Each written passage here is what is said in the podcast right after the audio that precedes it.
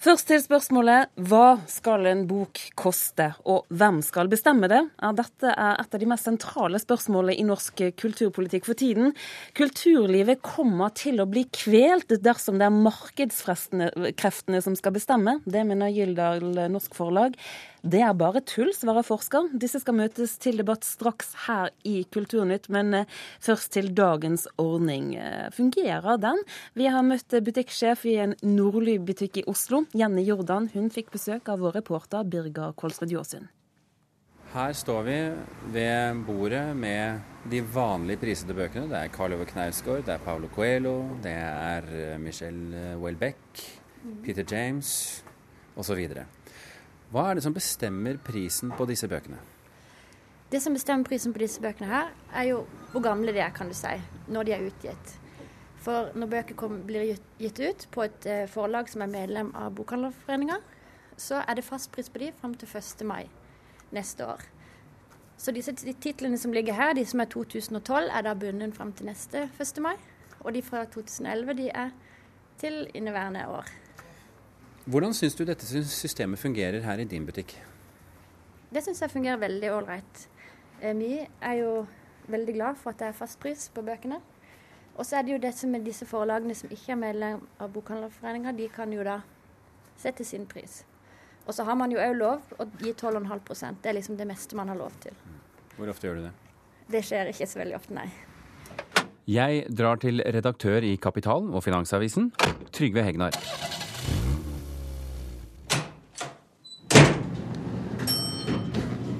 Trygve Hegnar, ehm, blir du lykkelig hvis en, eh, Norge får en boklov? Nei, det tror jeg ville være til stor skade for Norge og publikum og bokkjøpere. Men poenget er jo at en boklov skal jo komme for å garantere at vi skal få faste, høye bokpriser i Norge. Altså ikke faste, lave bokpriser, som man kanskje skulle tro, men faste, høye bokpriser. Og det eneste som vil komme ut av det, slik jeg ser det, det er at de store forlagene får en maskin til å trykke penger med. Hvilken er den beste løsningen, slik du ser det fra et uh, liberalt ståsted? Jeg ville jo helst sett at det ikke var noen regulering i det hele tatt. Altså Fra den dagen en bok blir utgitt, så er det da en bokhandler i Namso som får lov å selge den for 150 kroner hvis han vil, eller en bokhandler i Oslo som tar 220 kroner på boken, eller 299 kroner. Det må ikke bli slik at Norge, vi har verdens dyreste matvarepris i Norge, det er det ingen tvil om. Eh, og at vi nå også skal ha verdens høyeste bokpriser. Så skal vi alle late som vi er glade, og så kommer det forlagene først og fremst i gode. Jeg forlater Trygve Hegnar.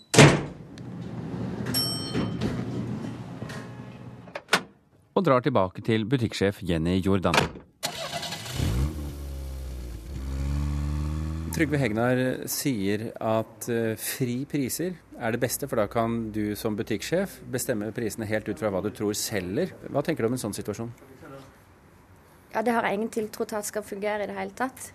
Ja, Det var uh, vår reporter. Han heter altså da Birger Kolsrud Jåsund. Einar Ibenholt, du er forlagsdirektør i Gyldal Norsk Forlag. I Dagens Næringsliv i dag så leser vi at uh, du er for at det litterære feltet må reguleres. Hva er den viktigste årsaken til det? Bakgrunnen for at jeg skrev uh, i DN i dag, var den krigen som pågår i USA nå, der Amazon, som er verdens største nettbokhandel, i realiteten presser ut en gruppe på ca. 500 små uavhengige forlag, og har blokkert fordi de ønsker å gi dem klart dårligere betingelser enn de store forlagene. Eh, og følgelig droppa dem fra eh, butikken sin. Men det er USA? Det er USA, og der er det frie priser. Hva er det du frykter? Jeg frykter at veldig mye av det samme kommer til å skje. At det som vi ser spiller seg ut nå, er at det går rett utover bredden. Det er uh, små aktører, perifere stemmer uh, og kulturelle hensyn lider tungt. Uh, og dette markedet her, altså som Hegnar sier, ja, Hegnar er markedsliberalist. Og ut fra et rent kommersielt hensyn så er det klart at fripriser er en bra ting. Men kult, det kulturelle aspektet går til helvete. Det kulturelle aspektet går til helvete. Det er ingen liten påstand. Hvordan begrunner du det? Eh, det er rett og slett fordi um, i et rent friprismarked så vil eh, de kommersielle kreftene være så sterke at man får i realiteten, sånn som det er i USA, én aktør som selger bøker. Sånn er det. Og den aktøren favoriserer andre store aktører. De store forlagene i USA de klarer seg sånn noenlunde. De små lider fryktelig. Vi skal spørre Knut Løyland, du er forsker ved Telemarksforskning. Du har jobbet med bokbransjespørsmål i over 25 år. Hva synes du om det bildet som vi hører Einar Ibenholt tegne her? Jo, altså Det bildet fra USA er jo absolutt skremmende. og Det er jo ikke sånn at jeg er mot uh, enhver regulering av bokbransjen. og og, eh, og, en må jo for all del ikke sikres at en ikke får en, en, en, en, veldig smal og en veldig sterk konkurranse i veldig små segmenter. Det er jeg helt enig med Iben Holt i. Men jeg mener at du innenfor dagens norske reguleringsregime så finnes det muligheter Eh, til å regulere bransjen, altså både innen, ved, ved, å utvide medieeierskapslovens og Medietilsynets mandat, men også innenfor konkurranseloven.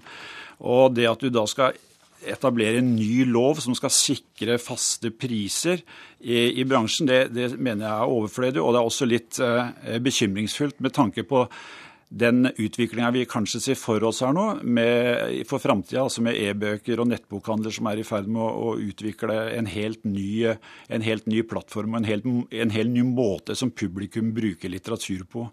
Bare for å være helt sikre på det, Iben Holt, blir du lykkelig hvis det blir en boklov? Eh, jeg? Ja. ja jeg mener at det er klok, et klokt tiltak. Og Hvordan må den bokloven være for at eh, du skal være fornøyd? Først og fremst så bør den sikre faste priser. Jeg mener at det er et et godt og enkelt og et ganske velprøvd virkemiddel for å bremse konkurransekreftene og for å sikre det kulturelle aspektet. Cirka halvparten av verden, og vel så det, har landet på dette som et relativt passivt tiltak som garanterer et, sånt, et minimum av kulturell, kulturell mangfold. Hvordan, for meg, som er glad i å lese bøker, og andre med meg, hvordan kommer dette meg til gode? At du kan gå i en bokhandel som ikke ligger så veldig langt fra deg, og finne et ganske bredt utvalg av bøker. Knut Løiland, fast pris på bok, er det god kulturpolitikk? Ja, Det har nok kanskje vært det, men eh, i dag så er jeg usikker. og Vi har jo eh, opp gjennom åra sett på en del empiriske analyser Eh, hvor vi har vurdert om en kommer bedre ut med en fastpris eller fripris. Og det er jo veldig lite i den empiriske litteraturen som fins som, som, peker veldig klart i den ene eller i den andre retningen. Og det som jeg da syns er litt uh, underlig, er at vi hver gang uh, vi får en debatt om litteraturpolitikk her i landet, så koker ned, det ned til en debatt om fastpris eller ikke, eller nå da boklov eller ikke. Mens i Norge så har vi en av de gunstigste litteraturpolitikkene i verden. Vi har en masse virkemidler. Vi har momsfritak, vi har innkjøpsordninger, vi har, eh, vi har eh, stipendordninger osv. Så, så, så en diskusjon om litteraturpolitikken burde egentlig handle om hvor flinke vi er til å utnytte de enorme ressursene vi putter inn i det på det litterære området. Og, og, akkurat den debatten savner jeg, og i stedet så ender vi opp med en sånn fram og tilbake om boklov eller ikke. og, og, og fastpris eller ikke, da, som egentlig ikke peker veldig klart i den ene eller den andre retningen. Det må du få svar på, Iben Holt. Ja, altså, jeg skjønner, Det kan virke monomant, dette spørsmålet om fastpris, men samtidig så er det faktisk det debatten dreier seg om i hele verden de ulike land så er det dette denne linjen det går langs. Hvordan skal man regulere et kulturelt felt som, bok, som det litterære? Og så kommer man til at man også må en skillevei, enten fastpris eller fripris. Men, altså, det... Ja, men, men, det som er viktig da å tenke på, er at det er ikke så veldig mange andre land, om noen, som har så gunstige virkemidler det på det litterære området som det Norge har. Så, så derfor, derfor, koker dette ned til en, kanskje til en, til en, spørsmål om fastpris eller ikke i andre land. Mens i Norge så, så handler jo dette om altså det enkeltstående kulturpolitiske tiltaket i Norge. Det aller største i mål til kroner og øre, det er momsfritaket til, til bøker. Det er på halvannen milliard kroner i året, ble det sagt i hovedrapporten fra Oslo Economics.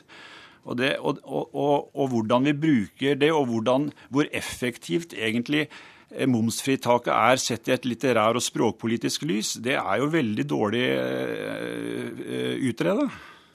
Einar Ibenholt, er det slik at du nå sitter og prøver å klamre deg til et litt gammelt gode?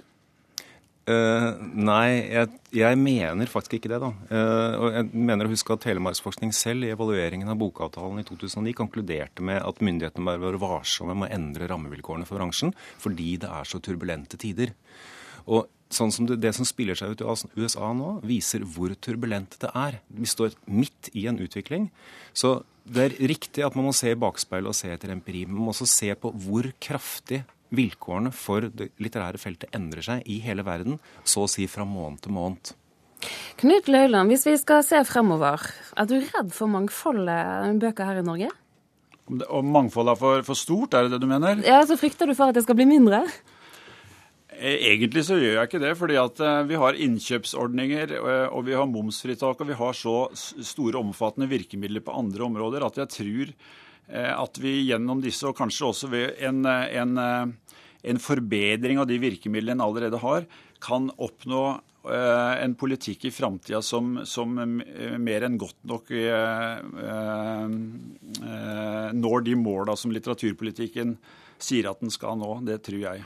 Kort kommentar til slutt, Iven Holt. Jeg vil si at Norge er ikke alene om momsfritak på bøker. Det er et meget utbredt virkemiddel. Meget utbredt virkemiddel. Takk for at dere var med oss her i Kulturnytt. Einar Ivenholt, som altså er forlagsdirektør i Gyldendal. Knut Løyland, forsker ved Telemarksforskning. Vi skal gi ordet til Agnes Moxnes. Du er kulturkommentator her i NRK. Du har hørt på debatten som har gått frem og tilbake nå. Hva slags inntrykk får du? Nei, det er jo ikke noe nytt egentlig det som kommer opp her nå. For det, det handler jo om Eh, altså Når Ibenholt her sier at momsfritak er det flere land som har. Men det Norge er helt alene om å ha, det er denne innkjøpsordningen. Eh, som Løyland også påpeker, at vi har noen helt spesielle ordninger i Norge som gjør at den norske bokbransjen, eller bokomsetningen, er sikret i bånn. Det er noen kjerneverdier som blir passet veldig godt på av staten. Og, og de kommer til å bli passet på uavhengig om man har en boklov eller ikke. Og så må man jo stille spørsmålet selvfølgelig hvorfor er dette med boklov så utrolig viktig for bransjen? Eh, de sier at det er fordi at vi må si å opprettholde og sikre norsk kultur. Eh, men jeg syns de også skal være litt ærlige på at det også handler om hvordan de skal sikre sin egen eksistens, altså den kommersielle eksistensen. Og Jeg innleder jo hele denne debatten her med å si at uh, denne diskusjonen om bøker og om pris den har pågått uh, lenge nå. Hva, hva, er årsaken til at det mobiliseres så voldsomt akkurat nå? Nei, Nå er det jo som vi hørte her også, det er jo altså to utredninger. Uh, først så kommer dette forslaget opp. altså Noen foreslår at vi skal ha en boklov i Norge. Bokbransjen stiller seg stort sett 100% bak det, alle lagene i bokbransjen. Så er det laget, har Anniken Huitfeldt Eh, kulturministeren bedt om at det er blitt laget to utredninger. Det er utredninger om, om eh, en eh, mulig boklov. Og de to utredningene er nå på en høringsrunde rundt omkring. Nå er, går Anniken Huitfeldt eh, inn i tenkeboksen sin. Det som pågår nå, er en voldsom mobilisering for å påvirke Anniken Huitfeldt og sittende politikere for at de skal gå i den ene eller andre retningen. Eh, det er ikke så mange som sitter i departementet og leser høringsuttalelser, men veldig mange forholder seg til det som står i avisene. og Derfor er aktører som bl.a. Einar Ibenholt aktivt ute nå og, og, og, melder hva de tenker om denne mulige bok, bokloven i avisene. Så Derfor så er det nå en aktiv debatt ute. Ja, hva, tror du, hva tror du kulturministeren sitter og tenker nå, da? Jeg tenker at bokbransjen er nødt til Jeg tror at bokbransjen er nødt til å slite litt for å overbevise henne om at eh, det er riktig å gå for en boklov eh, på de premissene som bransjen ønsker. Eh, bokbransjen har jo nytt godt av veldig stor tillit fra både politikere og også embetsverk opp gjennom årene. Jeg tror den tilliten er litt tynnslitt. Jeg mener å huske at Trond Giske, da han var kulturminister i 2008, nærmest truet bransjen litt med å ta fra dem momsfritaket på bøker eh, fordi at de ikke oppfylte de kulturpolitiske Eh, premissene som ligger i disse ordningene. Eh, vi vet at eh, Trond Giske og Anniken Huitfeldt, altså Trond Giske nåværende næringsminister og kulturministeren, sitter og har jevnlige møter og snakker sammen. Sånn at det samtales nok mye rundt omkring, og hvilke konklusjoner hun kommer til, hvis du lurer på hvilke ja. konklusjoner. Skal vi ta en liten, ja, ta en liten runde på det også? Jeg tror hun opplever at, altså at den, de to utredningene som er kommet, kommet, er eh, mangelfulle når det gjelder et par-tre punkter. Det ene er e-boka, hvor langt den er kommet og hvilken viktighet eh, den kommer til å spille fremover. Og det andre er det som eh, Knut Løiland snakket om Nemlig altså gå inn og studere litt liksom den næringssiden av dette her. Hva er forholdet mellom det staten putter inn av penger i, i, til den norske bokbransjen, og det man får ut av det igjen. Så, så, og så tror jeg heller ikke at det er slik at eh, det er noen liksom, eh, opinion som ensidig har gått inn for det ene eller det andre når det gjelder boklov ennå. Eh, politikerne sitter og, og liksom teller litt på, ser litt på liksom det ene og det andre. Det er helt avhengig av hvordan en eventuelt boklov utformes. Agnes Moxnes, takk for at du kom hit til Kulturnytt.